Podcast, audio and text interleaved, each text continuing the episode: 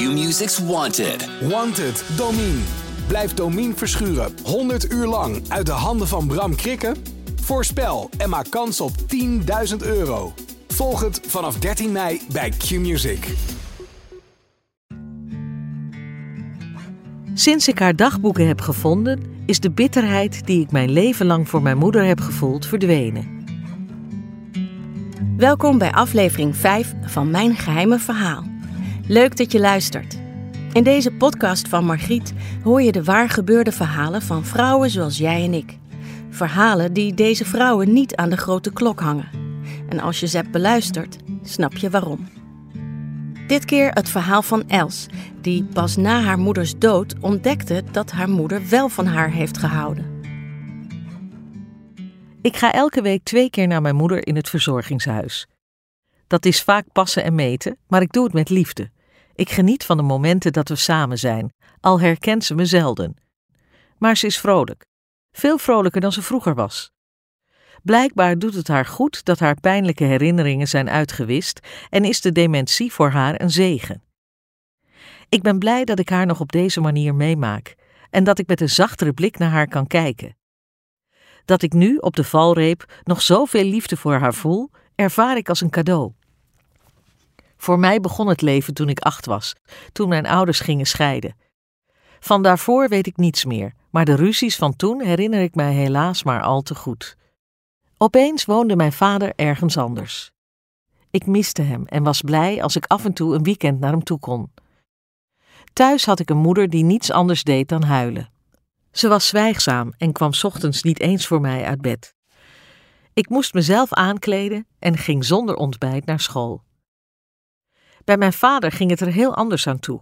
Ik werd daar erg verwend, kreeg lekker eten en mocht tot laat televisie kijken. De nieuwe vriendin van mijn vader was hartelijk, maar mijn moeder wilde daar niets van horen. Die noemde haar een heks en de kleren en het speelgoed dat mijn vader me gaf, gooide ze weg. Wat voelde ik me dan eenzaam en verdrietig. Het heeft jaren geduurd voordat ik kon inzien dat mijn moeder in de tijd een zware depressie moet hebben gehad, dat ze hulp nodig had en ik ook, als kind op de basisschool, dat tussen wal en schip viel. Ook weet ik nu dat het niet juist was van mijn vader om me zo in te palmen en op die manier oorlog te voeren tegen mijn moeder. Maar toen ik dit besefte, was de slechte band met mijn moeder al een feit. Ik trok me terug en ook zij had haar weg gevonden om zich beter te voelen. Ze stortte zich op haar werk, klom op tot hoge functies en was s'avonds altijd druk aan het bellen. Ik sloot me dan op in mijn kamer, wilde haar niet tot last zijn. Ze riep me dan nooit eens. Ze kon gewoon niets met de moederrol, leek het wel.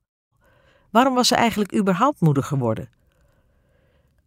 Op mijn zestiende ging ik bij mijn vader wonen. Ik herinner me dat mijn moeder gekwetst reageerde toen ik dat vertelde. Ze kreeg tranen in haar ogen en ik moest op mijn lip bijten om niet cynisch te lachen. Je hebt geen idee hoe eenzaam ik hier ben geweest, hoeveel tranen ik al heb gelaten, dacht ik. Ik sloeg de deur achter me dicht en kwam jarenlang bijna niet meer thuis. Ook omdat mijn moeder altijd zo kritisch tegen me was. Ik maakte geen carrière, ronde zelfs niet eens mijn studie af. Dat keurde ze af. Net als het feit dat ik al vrij jong trouwde en grotendeels afhankelijk werd van mijn man, terwijl zij mij altijd had ingeprent dat ik dat nooit mocht laten gebeuren. Dat ze daarin gelijk had bleek wel toen ook ik ging scheiden, terwijl mijn kinderen nog klein waren. Maar de laatste bij wie ik daarover wilde uithuilen was mijn moeder. Ik werd in die tijd alleen maar bozer op haar. Ik deed er alles aan om goed contact te houden met mijn ex, stelde altijd het belang van de kinderen voorop. Waarom had zij dat niet gekund?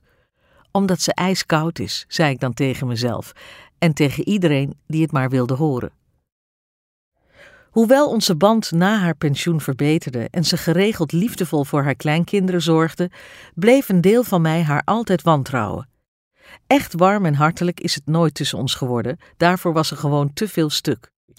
Dat had altijd zo kunnen blijven, als ik haar huis niet had leeggehaald, als ik niet op haar oude dagboeken was gestuurd. Tot op de dag van vandaag vind ik het wonderlijk dat ze die nooit heeft weggegooid. Dat past namelijk totaal niet bij de vrouw die ze was geworden. Of zou ze juist hebben gewild dat ik ze vond?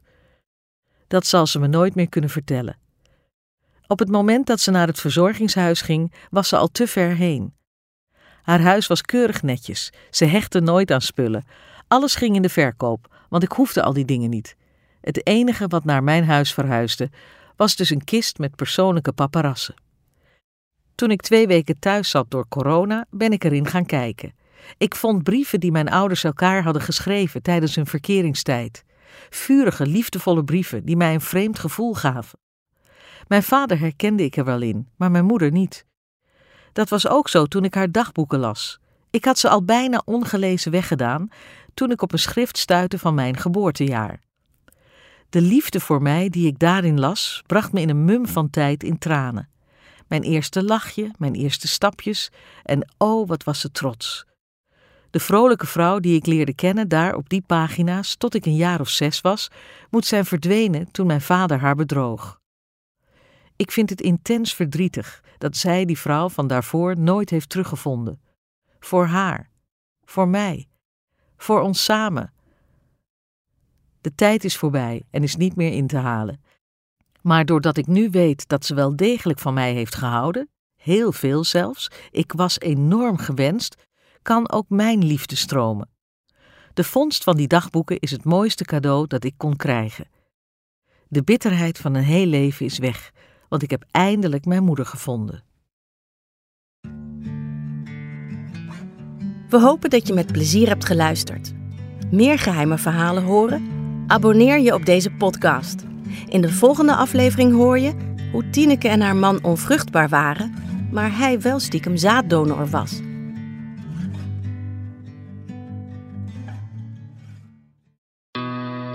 Q-Music's Wanted. Wanted, Domine.